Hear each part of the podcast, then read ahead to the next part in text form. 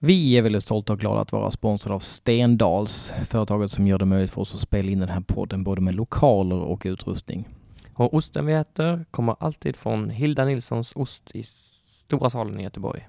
Och ett varmt tack till Benchwarmers Brewing Company, ett expanderande brewing company nere i södra Sverige som är värt att hålla ögonen på.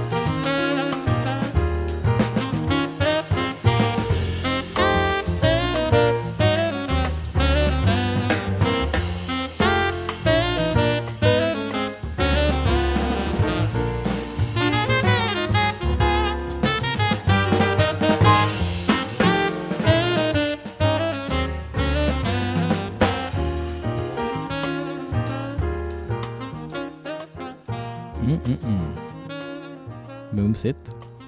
Ah, vad, vad känner du när du hör den här musiken? Ehm, jag känner ju både en lust att dansa eh, men också en lust att eh, duscha. ja, det är ju Vad menar du med duscha? eh, en sån där, Så kallad? en specialdusch.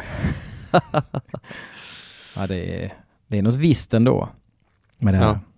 Är det harmonin där? eh. Ja, men det är alltid sound, Ja. det är harmoni, det är, eh, det är ljudet av eh, människor som inte lider i livet. Ah, Okej. Mm.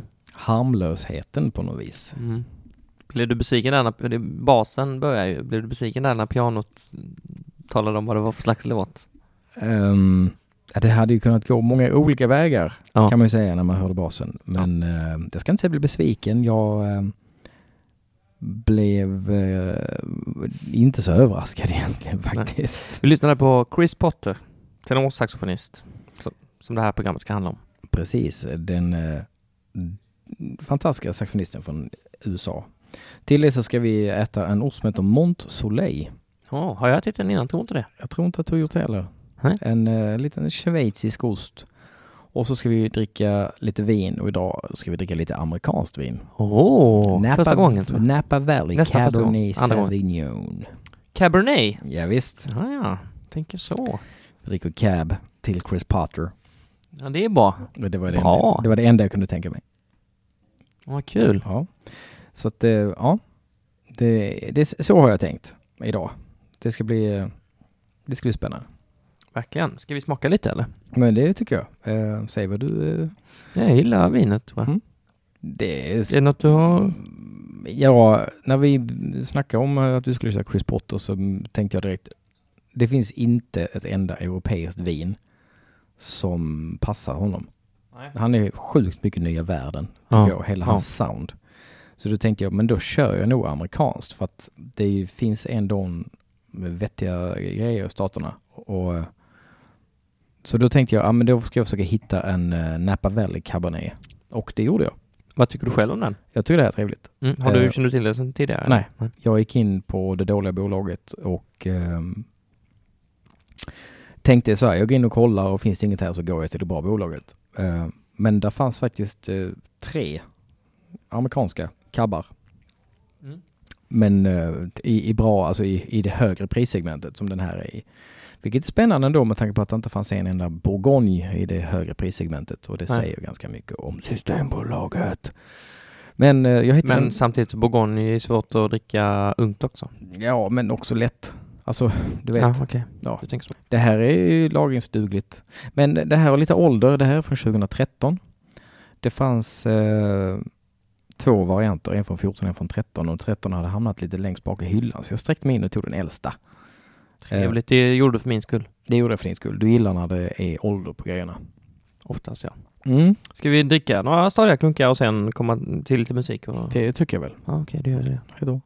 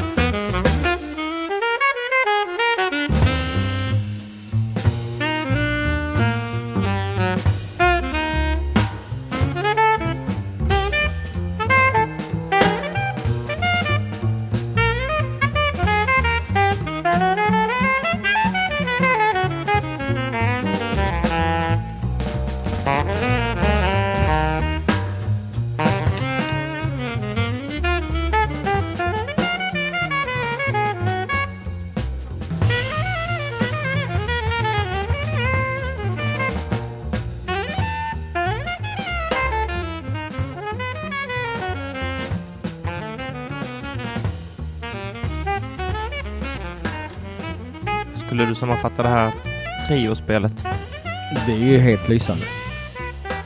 Det är ju um, untouchable. Fruktansvärt uh, jazzigt och fruktansvärt bra samspel. Och vilket jävla sound de har. Ja. Vet du om det är som spelar trummor? Nej. Det var rätt svår. Jag visste inte jag heller faktiskt. Vem är det? Brian Blade. Det var Brian Blade. Spännande. Eh, vi går vidare i programmet och så kommer vi tillbaka till musikpartiet längre fram som Mm. vi brukar göra. Men du, jag är Cabernet, det är ju en druva som har varit ute eh, länge. Och- Försvinner aldrig. Aldrig. Det försvinner aldrig nej, men den har varit lite... Den har ju, om man säger till naturvinsvågen, så är den ju liksom som bortblåst. För att hela naturvinshistorien handlar ju så himla mycket om lättdruckna tillgängliga viner i ung ålder. Och det är ju inte det Cab är så speciellt känt för. Vad är Cabernet? Cab är känt för Bordeaux. Det är Ja. känt för eh, Napa Valley i USA. Ja. Men det är också känt för att vara en sådär ganska lättodlad eh, druva. Ja, det så, känner jag till. Så att därav så dyker den upp i nästan alla länder som vill sätta igång och odla lite vin.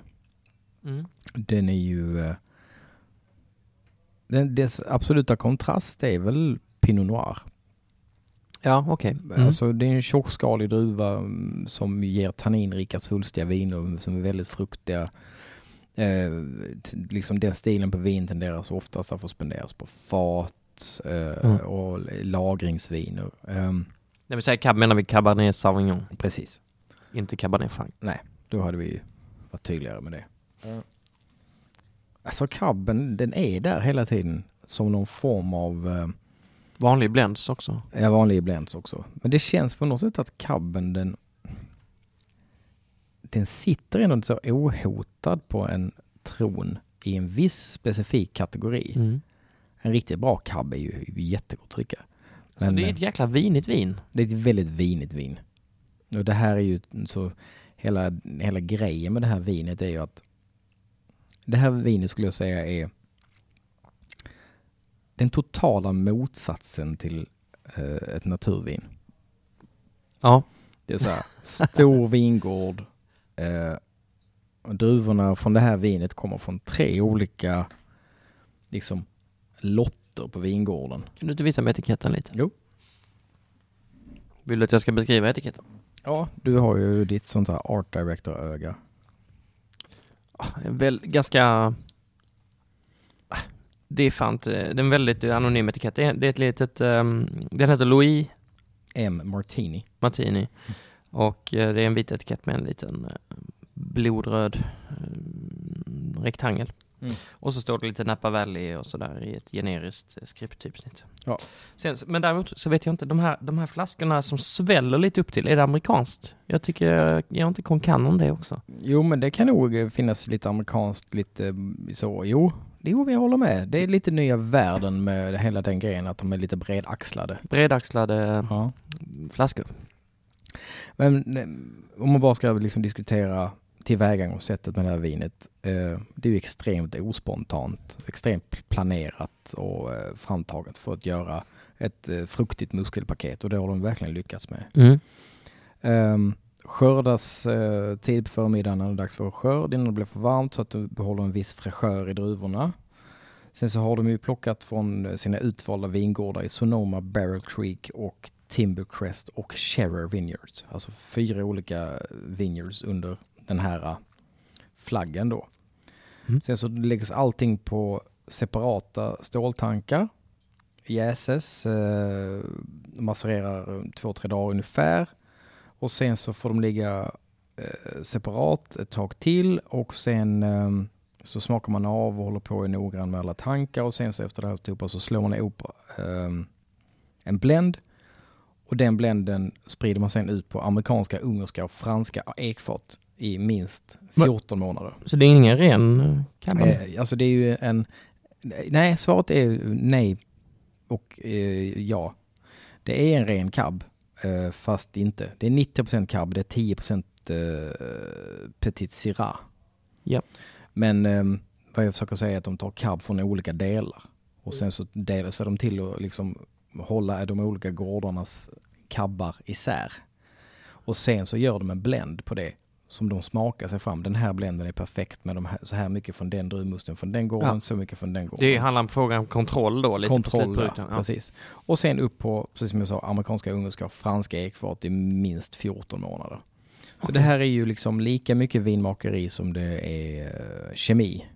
Och så eh, i med massa sulfiter så att den håller sig stabil och så eh, det här är ju superlagringsdugligt, även om det här var väldigt lättdrucket. Mm. Ehm, det här är ett, ett vinhus som har funnits sedan 1933, så det är nog ganska länge. Ja. Ehm, och eh, håller till nere i Napa Valley som är en av de absolut stora, absolut största och mest prestigefyllda platserna när vi pratar amerikanskt vinmakeri. Och klimatet, hur är det där om det är för med europeiska? Det är ju mycket varmare. Eh, Kalifornien är ju mycket varmare och Mm. jag menar de drabbas hela tiden av massa bränder och värmen bara ökar. Ehm, så eh, du får ju mycket, mycket mer fruktgenerösa druvor. Mm. Det går aldrig att komma ifrån. Sen så finns det vissa delar i Kalifornien där du får kalla briser och från havet och så här, men det, det generella klimatet är ju varmare. Så du får väldigt mycket mer frukt för pengarna kan man säga. Mm. Jag tycker att eh, om man ska titta på färgen så är den ju, den är ju djupt, djupt, djupt eh, mörkröd med eh, ja, mörka röda kanter. Ja, det är, det är ingen jätteskarp kant men den är inte Nej. heller lång. Och man ser också på slöjorna i glaset att det är lite alkohol i den. Och jag kollade lite, den är på 14,5 och det avslöjar ju också att det är ett varmare klimat, att du får fruktigare druvor som eh, innehåller mer socker som i sin tur jäser upp till hög alkoholhalt. Förutom osten, vad tycker du? Är det här ett eh, sånt här riktigt rött biffvin? Ja, det här är ju, det här är typiskt Wall Street-vin. Mm. Alltså vi ska ha ett affärsmöte vi ska äta en stor biff Mm.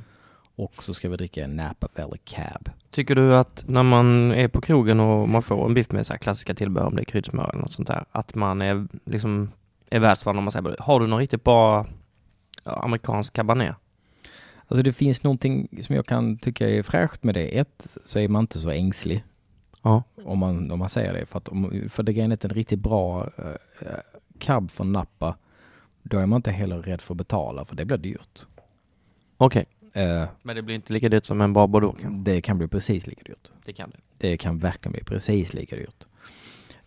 Och så, men det finns sk- ganska oängsligt med det också. Och det, men å andra sidan, den här, eh, den här stora blodiga biffen på tallriken är ju också en ganska så ehm, eh, finesslös anrättning oftast. Och eh, det kan jag väl tycka att de här vinerna kan vara också lite finesslösa. Alltså de är ju mer Ja. frukt och kraft och kropp och eh, direkt tillfredsställelse. Men det är inte som att man sitter här och plockar ut subtila nyanser av, Nej. ja, Nej. av ditten och datten. Utan det här är... eh, Det är vin för män. Och, Från vi, ja, eh, det var du som sa det. Nej men det är vin för människor som vill ha som inte vill sitta och känna efter så mycket, som bara vill kunna sitta och snacka med varandra Mm. och så varenda klunk du tar så händer det mycket. Ja. Folk som eh, föredrar berg och dalbanan. Till skillnad från eh, tekopparna. Ja. Men det är ju, det här är ju ett trevligt och elegant vin alltså. Jag, Mm. sen, sist jag drack vin, alltså, får jag ta en liten avstickare? Mm. du, har ju, du har ju mobbat mig lite för att jag en gång i tiden gillade McManus. Ja, ja precis. Och även trott att jag flera år senare gillar McManus. Precis.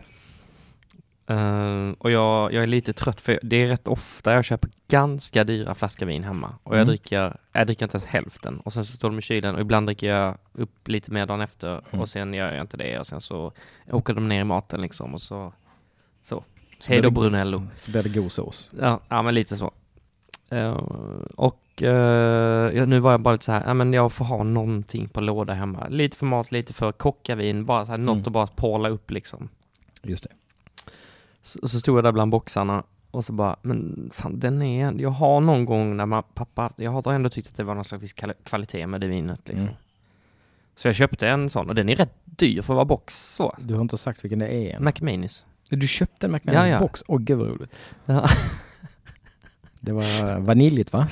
Ja, det var så, ja, det var, ja, det var inte så vaniljigt som, ehm, nej, det var inte så vaniljigt som eh, vissa Tempranillo och sådär men tyckte jag. Men eh, det var, det var alldeles för os, mycket osyra helt enkelt. Mm. Det var alldeles för sött. Ja precis, det är sjukt sött och extremt som du säger, lite syra, lite tannin Ja, det, är, um, Så det blev, nej det höll inte alltså. det går inte. Och det, det är så jag vill att ett vin kan bli när man äter något till det. Ja. Men man vill inte att det ska smaka så innan för då... Nej för då, tänk dig vad som händer om man äter någonting till det. Ja, Uh. då blir det ju så. Men det, men det är, där, den har ändå någon kvalitet eh, ändå så.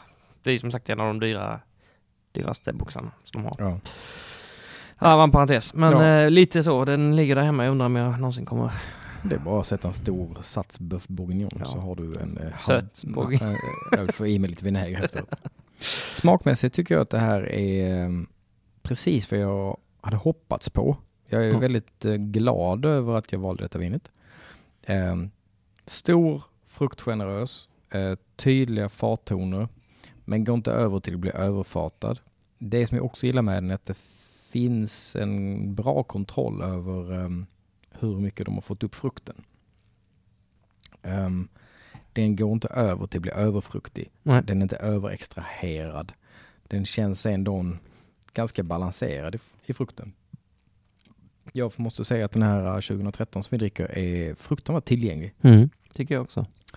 Väldigt eh, behaglig att dricka nu. Mm. Vad Eh, kostar den sa du? 229. Ja, det är, ja, det är vi där uppe. Oh ja, alltså du hittar inte... Nej, för jag tycker som sagt, det här är ju bra grejer. Ja, ja, nej men grejen är att jag ville köpa något gött. Mm. Ja. Men du hittar alltså inte en, eh, en Napa Valley Cab som, är, som, är, som är, jag tror är drickvärdig för under 200 spänn. Nej, men Det hur är kan- det med Concano? Men det är ju eh, en blend och det här liksom det här vinhuset har till exempel en Sonoma Valley eh, Cab Mm. som det har haft innan i alla fall. Den låg på 129. Napa väljer ett bättre vinområde. I see. Så att eh, det kan fluktuera. Men vill du ha en Napa, då får du pynta lite. Ska vi lyssna på, eller du hade något mer? Nej, jag tänkte bara säga att om, om man vill köpa vinet så är det Louis M. Martini. Och numret är 6723. Jag har varit lite slarvig på att säga numren på sistone, men 6723.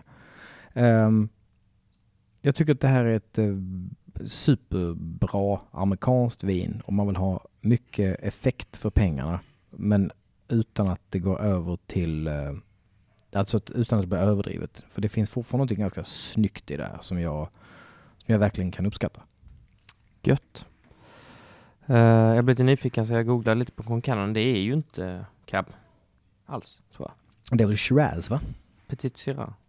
Petit Syrah, de har ju lite olika Ja, finns, också. ja, men nu blandar jag kanske. Nej, jag ska låta det vara osagt för nu hamnar vi på en väldigt billig Concanon. Det är nog inte... Vi skiter i det. Nu går vi vidare och lyssnar på lite musik sen så snackar vi lite ost. Förlåt.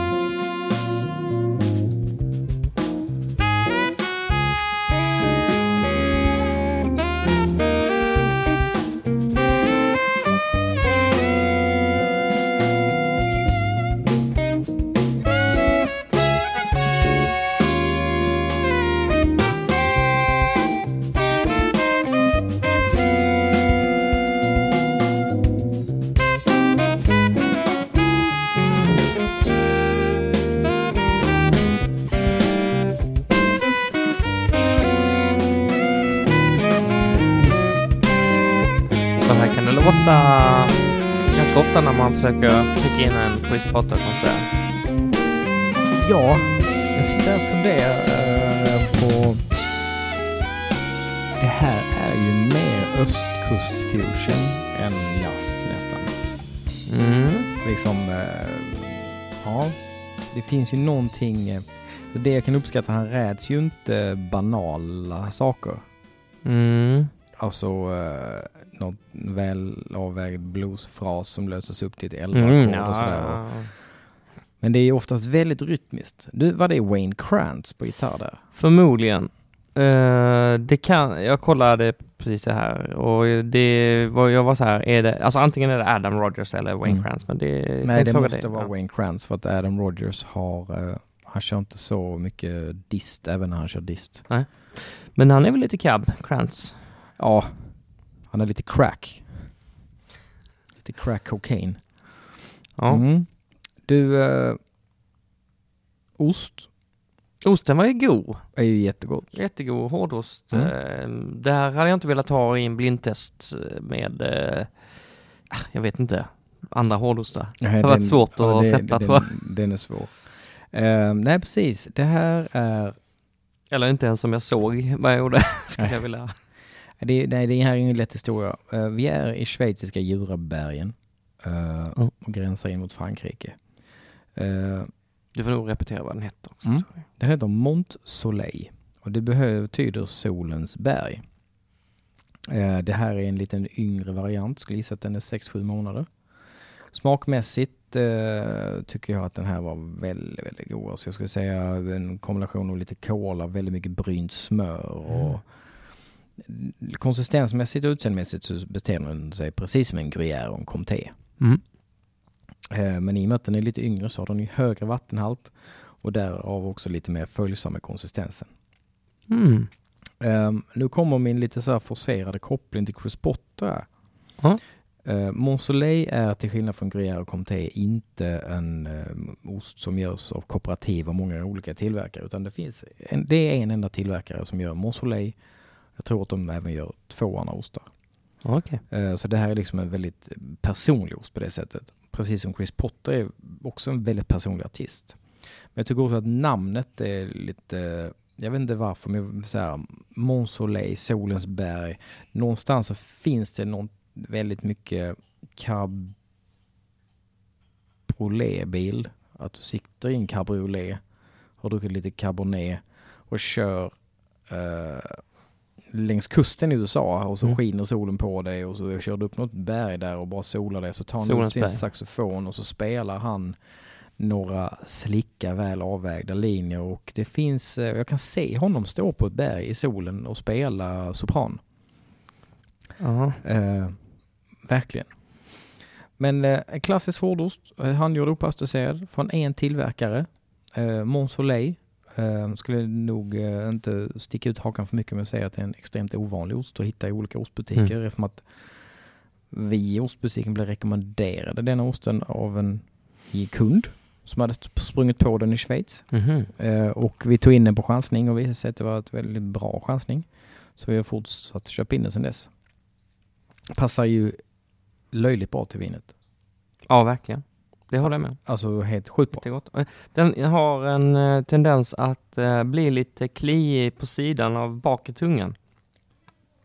Alltså den har lite styrka på något Mm. sätt. Jag vet inte, det kanske typ Gruyère också har. Det vet jag inte, men det var en iakttagelse jag gjorde. Mm, jag förstår vad du menar. I och med att den är ung Mm. så är det inte så länge sedan man fortfarande tvättar den med, med, Mm. med saltlake. Så det finns en um, liten bite i den. Mm. Det är trevligt. Mm, jättetrevligt. Du, du tvättar ju ostarna eh, en bra bit in i dess liv och sen efter ett tag så gör du inte det längre. Nej. Utan då får de bara ligga och eh, då får de bara ligga och, eh, och mogna. Och jag upp- upplever att den här kicken finns hos ostar som ganska nyligen blev mm. Alltså lite yngre hårdostar som fortfarande, det här, det här är ju på gränsen till en hård kittost i och med att den är så nyligen tvättad. Jag förstår. Mm. Ja men det är supertrevligt, jättehärlig mjällkonsistens, bra, så söt brynt smör, knäck och ja, det är verkligen så ett vinigt vin och en ostig ost idag. Ja, och så inte för snobbigt åt något håll och Nej. lite så. Ja. Mm.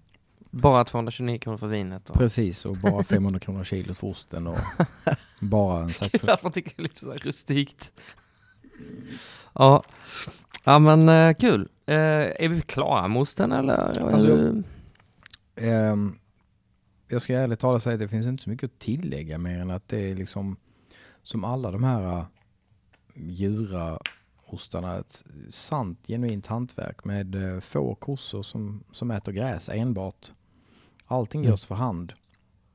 Och det här är extra kul för att det här vet man att det bara finns en tillverkare. Och det är ganska ovanligt då för att, med tanke på att många kända hårdostar finns det många tillverkare. Men det här är verkligen one of a kind. Och det är ganska speciellt. Mont Soleil, Solens berg. Och ehm, eftersom den är ovanlig så, men Napa Valley Cabernet inte är fullt så ovanligt så funderar jag lite så här om man vill eh, dricka det här vinet och vad ska man då köpa för ost? Är det, är det de, Ja, det närmaste man kan komma smakmässigt skulle jag tveklöst säga är ju att köpa en eh, bra 12 månaders gruyère.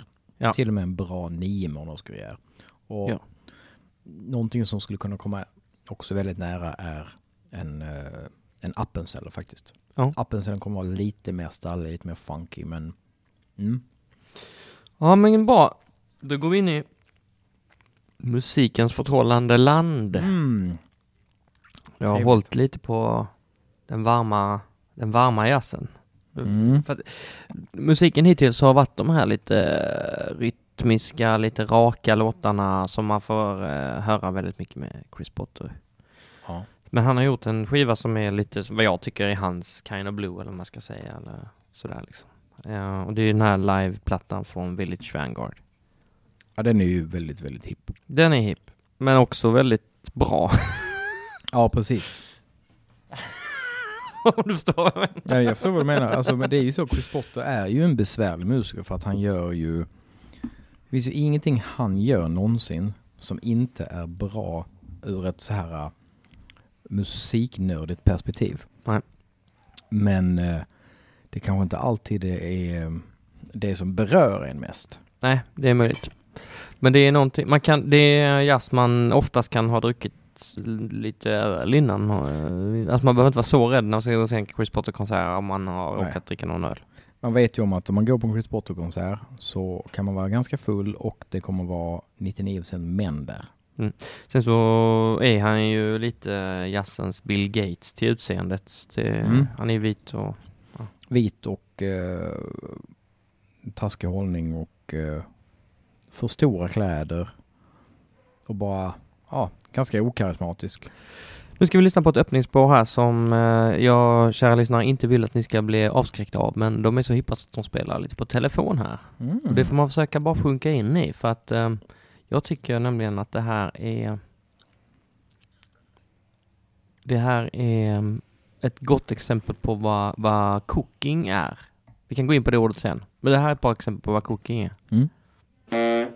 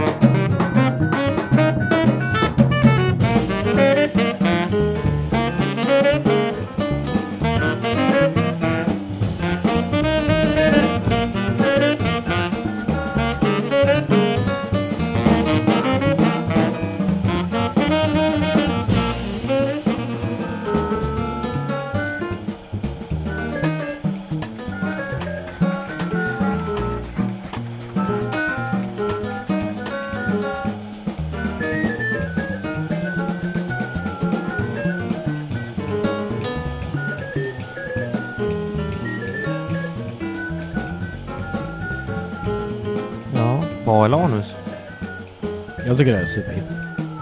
Ja. Men nu frågar jag om det var bra eller Eh, bra. Jag sa eh, bra på eh, detta. Ja, jag tycker det är grymt. Eh, det är som du säger, det är en extrem cooking. Det svänger sjukt mycket och det finns någonting eh, skitigt i det här som inte har funnits i något av det jag lyssnat på innan av honom just nu. Ja. Ehm, han är ju ett musikaliskt eh, geni. Alltså det finns ju ingenting han inte kan göra. Det finns Mm. inte en taktart, det finns ingenting han inte kan bemästra. Och som alla andra sådana som är helt obehindrade så finns alltid en risk att det blir lite tråkigt. För att det liksom, det finns inget lidande i det. Och därför tycker jag att när det blir lite mer så här, när det får lov att bli lite mer stökigt, Mm. han omringar sig av stök, Mm. då kan jag tycka att det, det då, då tycker jag han är som roligast att lyssna Mm. på. Mm. Sen har han ju så många växlar också. Jag kan ju, alltså, Alltså. han är ju en av de mest anlitade session-saxofonisterna. Mm. Alltså här, typ Steely Dan och sånt. Ja. Han, han spelar med dem och typ så. Men, eh, men han är ja precis, men han är väl någon slags tronföljare till Brecker. eh, Ja. Michael Brecker. Ehm, han är åtta år än vad jag är. Han är så pass ung. Han är född 71. Ja. Chicago. Mm. Gick New School. Men du börjar i och för sig också bli lite Ja, äldre. ja, jag börjar bli till åren. Jag är född 79. Så... Jag är ingen duva. Ja. Eh, men eh, det är nog kul att tänka att han inte ens är 50. Nej. Och, eh, Och här är, den här är 13 år gammal. Precis. Den här plattan. Nej, han är ju... Han började med sax sist. Han var så här, när han var 13 hade han sin första professionella musikframträdande och sax var det han började med sist. Han började med piano och gitarr och han har tydligen Mm. varit så här en virtuos på allt han har tagit för sig direkt. Alltså här, en riktigt sånt underbarn liksom, geni. Ja. Och eh, så här, började tidig ålder, kom från mus- musikalisk familj, gick på alla de bra skolorna och bara en sån snubbe som jag, jag, jag gissar nu, men jag får känslan av att Chris Potter inte är den som har nätverkat sig fram till sin karriär. Mm. Utan han har övat sig fram till sin karriär. Mm. Bara där, han är, det finns ingen som är bättre än honom på oavsett vilken uppgift han får. Och därför får han så här gigget. Ja, lite så. Jag, jag, nu, jag tycker vi, jag tycker vi bli- eh, har blivit lite för negativa nu. Jag är, jag älskar Chris Potter. Alltså jag, ska också Chris Potter. Ja, Men jag... Men förstår du vad jag menar? Att det blir, Mm. alltså, Ja, vi ja, får visst. inte, det blir något, det har hänt något som är, som inte jag trodde skulle hända nu.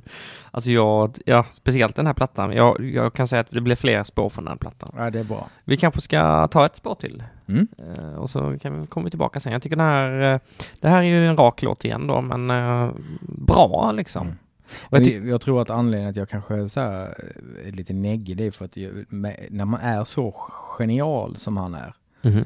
så, um, så varenda spår man hör med honom, där man inte får, där man bara får väldigt mycket feeling, där man inte får helt sjukt mycket feeling, så blir man så bara, ah, man, vet, man, man, man förväntar sig alltid maximalt av honom på något Ja. sätt. Ja, precis. Och så kanske man skulle vilja stöp, ändra om, och, han borde gjort en platta med den och den istället. Ja, men precis. Ja men eh, vi fortsätter med den här goa plattan. Som, Mm. det, det som jag tycker är så härligt när man hör publiken också, men det här är från Village Vanguard eh, och eh, 2004 där. Adam Rogers spelar väldigt bra på den plattan. Nej, nej. Det är inte, det är inte eh, någon gitarrist med. Men vänta, finns det en live med Adam Rogers också? Eller? Det finns det säkert. Men Ja. det här är ju Bill Stewart, eh, Kevin Hayes på piano och Scott Colley på bas. Ja, just det. Det finns en annan också. Mm.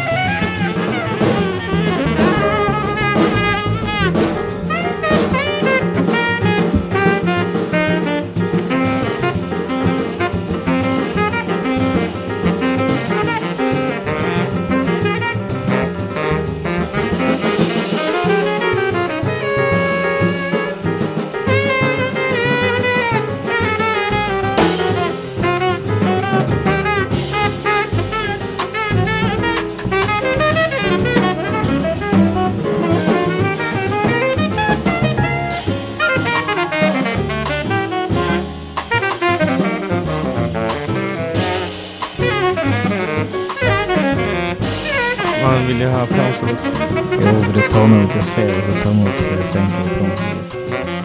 Jag inser nu att du skulle öppna på den här. Ja. Då hade jag varit en, eh, då hade varit en helt annan eh, podd. Trodde det var himmel. eh, det var himlen. Jag sparar till bästa tid. Jävlar vad han spelar sax alltså. Ja. ja, det är, så här länge brukar vi inte. Vi är uppe i fem minuter, sex Ja, och minuter. det förtjänar lyssnarna. Ja. Där fick de ett solo. Jävlar vad han, eh, som du säger, så mycket växlar han har. Och eh, idérikedomen. Mm. Och det finns ju liksom, Det här soundet på den här skivan. mm, det är sjukt bra ja. Och det är så jävla lekfullt och spontant och det är just att han är så otroligt bra rytmiskt som gör att han aldrig blir tråkig att lyssna på. Alltså, Mm. han förlitar sig inte på klassiska krafttag för att eh, imponera eller för att rycka med publiken utan det är liksom, Men sen så är han inte så jävla slick ändå heller, tycker jag. nej inte här, Nej, absolut inte. Han kan ju vara helt sjukt slick, men här är han ju, här är han ju en riktig jävla jazzmusiker. Ja. Fruktansvärt eh, svängigt. nej. Eh, Han har blivit utnämnd eller så här, omnämnd som så, en av världens mest kopierade saxofonister. Alltså, Ja. är det det? Mm. Det tror jag inte på. Nej. Alltså jag tror att han har blivit utnämnd, men jag tror inte, jag tror andra är det med. Mm. Coltrane till exempel och... eh, Men jag tror att anledningen att han kanske, om det skulle vara så, så tror jag att anledningen att det, att det skulle vara så är att han har ju tagit saxofonisten till liksom en, till en, till en ny platå med sin Mm. enorma teknik. Han har ju, just om man återgår till det här som jag precis nämnde, hans rytmiska spel. Alltså att hans, hans rytmiska överlagringar till exempel, bara där har du en hel livstid med plankning att göra Mm. och hans eh, övertonsarbete och sådana grejer. Jag tror att, eh, jag tror att han har pushat saxofonister ganska hårt framåt Ja liksom. Med, Medan vissa kanske har plankat eh, för att försöka hitta Stan Getz sound och Dexter Gordons frasering och Coltranes eh, harmoni.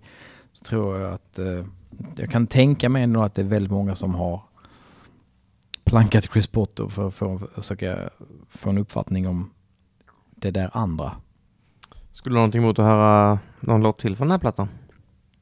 Nej, det här är ju förtjusande fint album. Det här, nu får vi lyssna på titelspåret som heter Lift.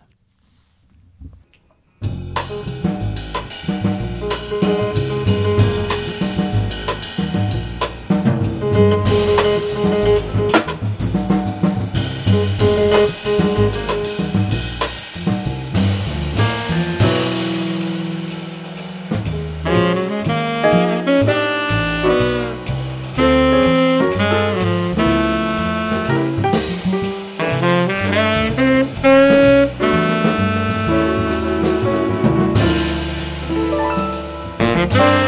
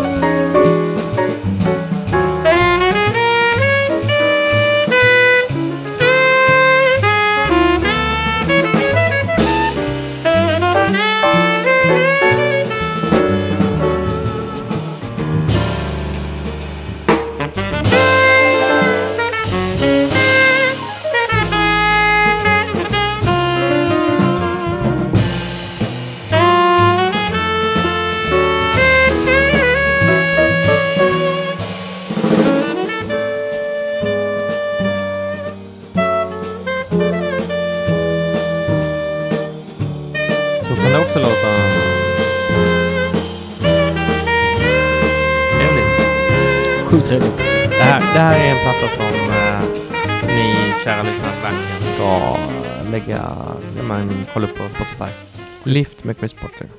Live at, Village, live at Village Vanguard. Exakt. Ja, den är eh, överjävligt bra. Sen är jag också väldigt förtjust, nu var det å andra sidan länge sedan jag lyssnade på den så jag kanske behöver revidera det jag säger nu, men jag är nog väldigt förtjust i en platta där han eh, eh, hyllar andra, alltså hyllar sina hjältar.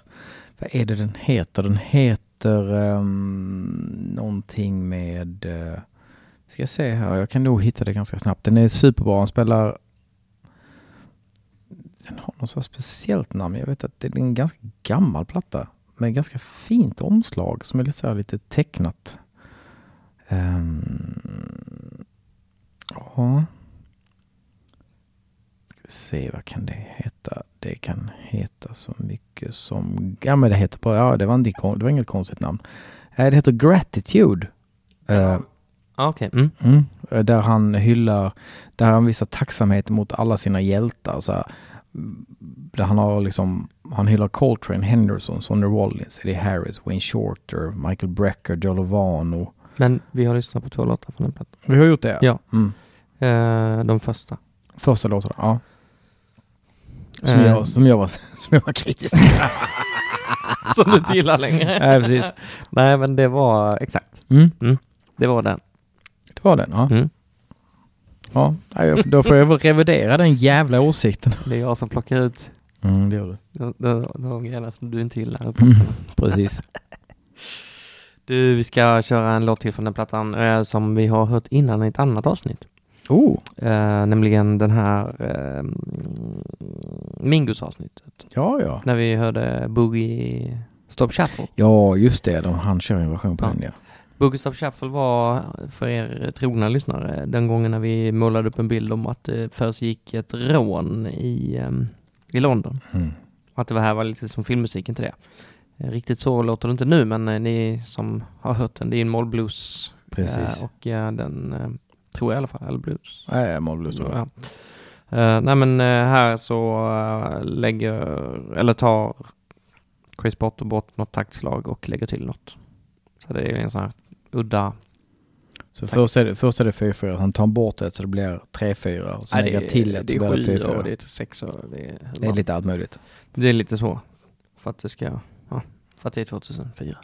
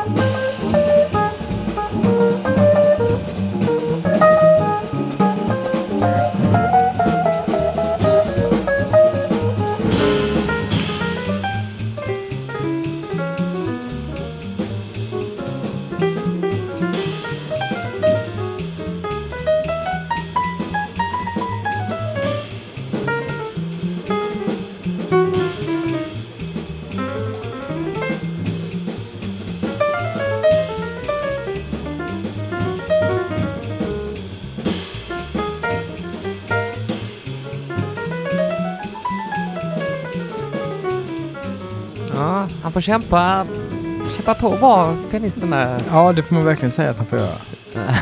Men det är, ja, det är ju bra. Ja, det är väldigt bra. är det från samma platta? Ja. ja. Det är ju... eh, det är inte samma gangsterröj, men det är ju en jävla hipp tagning alltså. Ja. Ja, den är nice. Ja. Vi har kommit till sista slutnummer, ja men ja, liksom sista låten tänker jag. Mm. Eh, Men eh, så därför tycker jag att vi får samla oss lite om vi vill eh, addera något innan vi liksom lägger Chris Potter åt sidan för en stund. Nej men eh, en snabb recap av dryck och ost är ju alltid lämpligt. Louis M. Martini är vinhuset. Det vi har druckit en Cabernet Sauvignon från Napa Valley. Den är från 2013. Det verkar som att 13 ska fasas ut mot 14. Eh, finns på bolaget och eh, vad tänkte jag på? Eh, man hittar den under nummer 6723. Osten heter Mont Soleil är en eh, Jurabergen schweizisk eh, hårdost. Eh, från en enda i, liten tillverkare som man med lätthet hittar på Hilda Nilsson Ost i Göteborg. Eh, med, kanske med större svårighet i andra ostbutiker, men då kan man plocka upp en Gruyère eller en Appenzeller tycker jag. Och eh, ja, artisten är ju den fantastiska eh, saxofonisten Chris Potter eh, jazzens Bill Gates som Mats så fint eh, uttryckte det. En kille som, Han kan ju säkert vara en av de rikare också. jag, jag kan tänka mig att han har degen i ordning, absolut. Det, det går nog ganska bra för honom. Han eh, är en fruktansvärt kraftfull saxofonist som eh, mm, har spelat med precis allt och alla och alla vill ju spela med Chris. Mm. gjort massa olika typer av plattor. Ja. Varit med i många olika koncept. Eh, superintressant och spännande musiker som väldigt, man kan ju inte beskylla honom för att han står still och trampar vatten i alla fall. Absolut inte. Han, eh, Han har med sig mycket, med den här basisten Scott Colley och Kevin Hayes på Mm. keys. Eh, De dyker upp eh, här och var. mm, Men också mycket så, eh, Na- Nate Smith har jag för mig också. precis, Nate och Adam. Rogers på gitarr och Ja. sådär. Mm. Men också andra, ja sist jag, jag kommer inte ihåg. Jo men det var nog Adam Rogers som vi sett honom på ett par gånger på NEF också. Mm. Man ska ju veta det att om man ser Chris Potter ska komma till sin stad där man bor, om man är så här, ja det måste jag gå och se, så kan man alltid, man kan vara säker på en sak, att man vet aldrig vad man kan förvänta sig.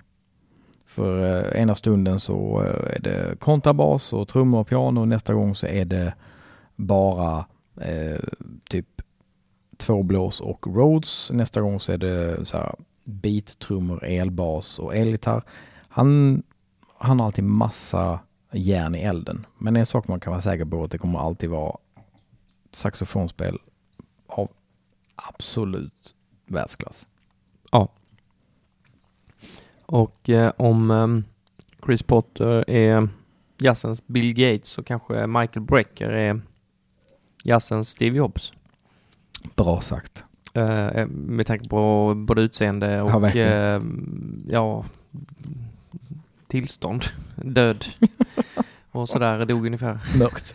Ja, men lite så. Ja, verkligen. Ja, men faktiskt. Ehm, jag har hittat en låt på en platta med Alex Sipaikin Mm. eh, och Eric Hardland på trummor och sådär, som, där Chris Potter medverkar. Mm. Där det finns en låt som heter Blues for Mike. Eh, Ah. Sen om det är för Michael Breck eller inte, det Eller, Ma- eller det Mike Stern eller, eller Mike Stern. eller Michael Douglas. Eller, Det har jag inte orkat ta reda på, men jag är rätt säker på att det är så. det, det känns väl naturligt att det skulle vara så. Och eh, vi är jätteglada faktiskt. Eller, för att ni har orkat lyssna på oss i ja, närmare en timme. Ja, Ehm, vi tycker ju det här är himla kul. ja verkligen. Och, eh, hade det inte varit för er så hade vi ju aldrig träffats och druckit vin och ätit ost en gång i veckan. Nej, precis. Och hur skulle det se ut? Hur skulle det se ut? Nu kommer Blues for Mike och då kan vi ju eh, ägna oss en stund åt eh, vår kära avlidna Michael, Michael Brecker. Ägna han en tanke helt enkelt. Vad sa jag? Ägna oss en, ägna oss en stund åt, sa du. Ja men det kan vi, var det jag menar. Ja. Eh, Ripe.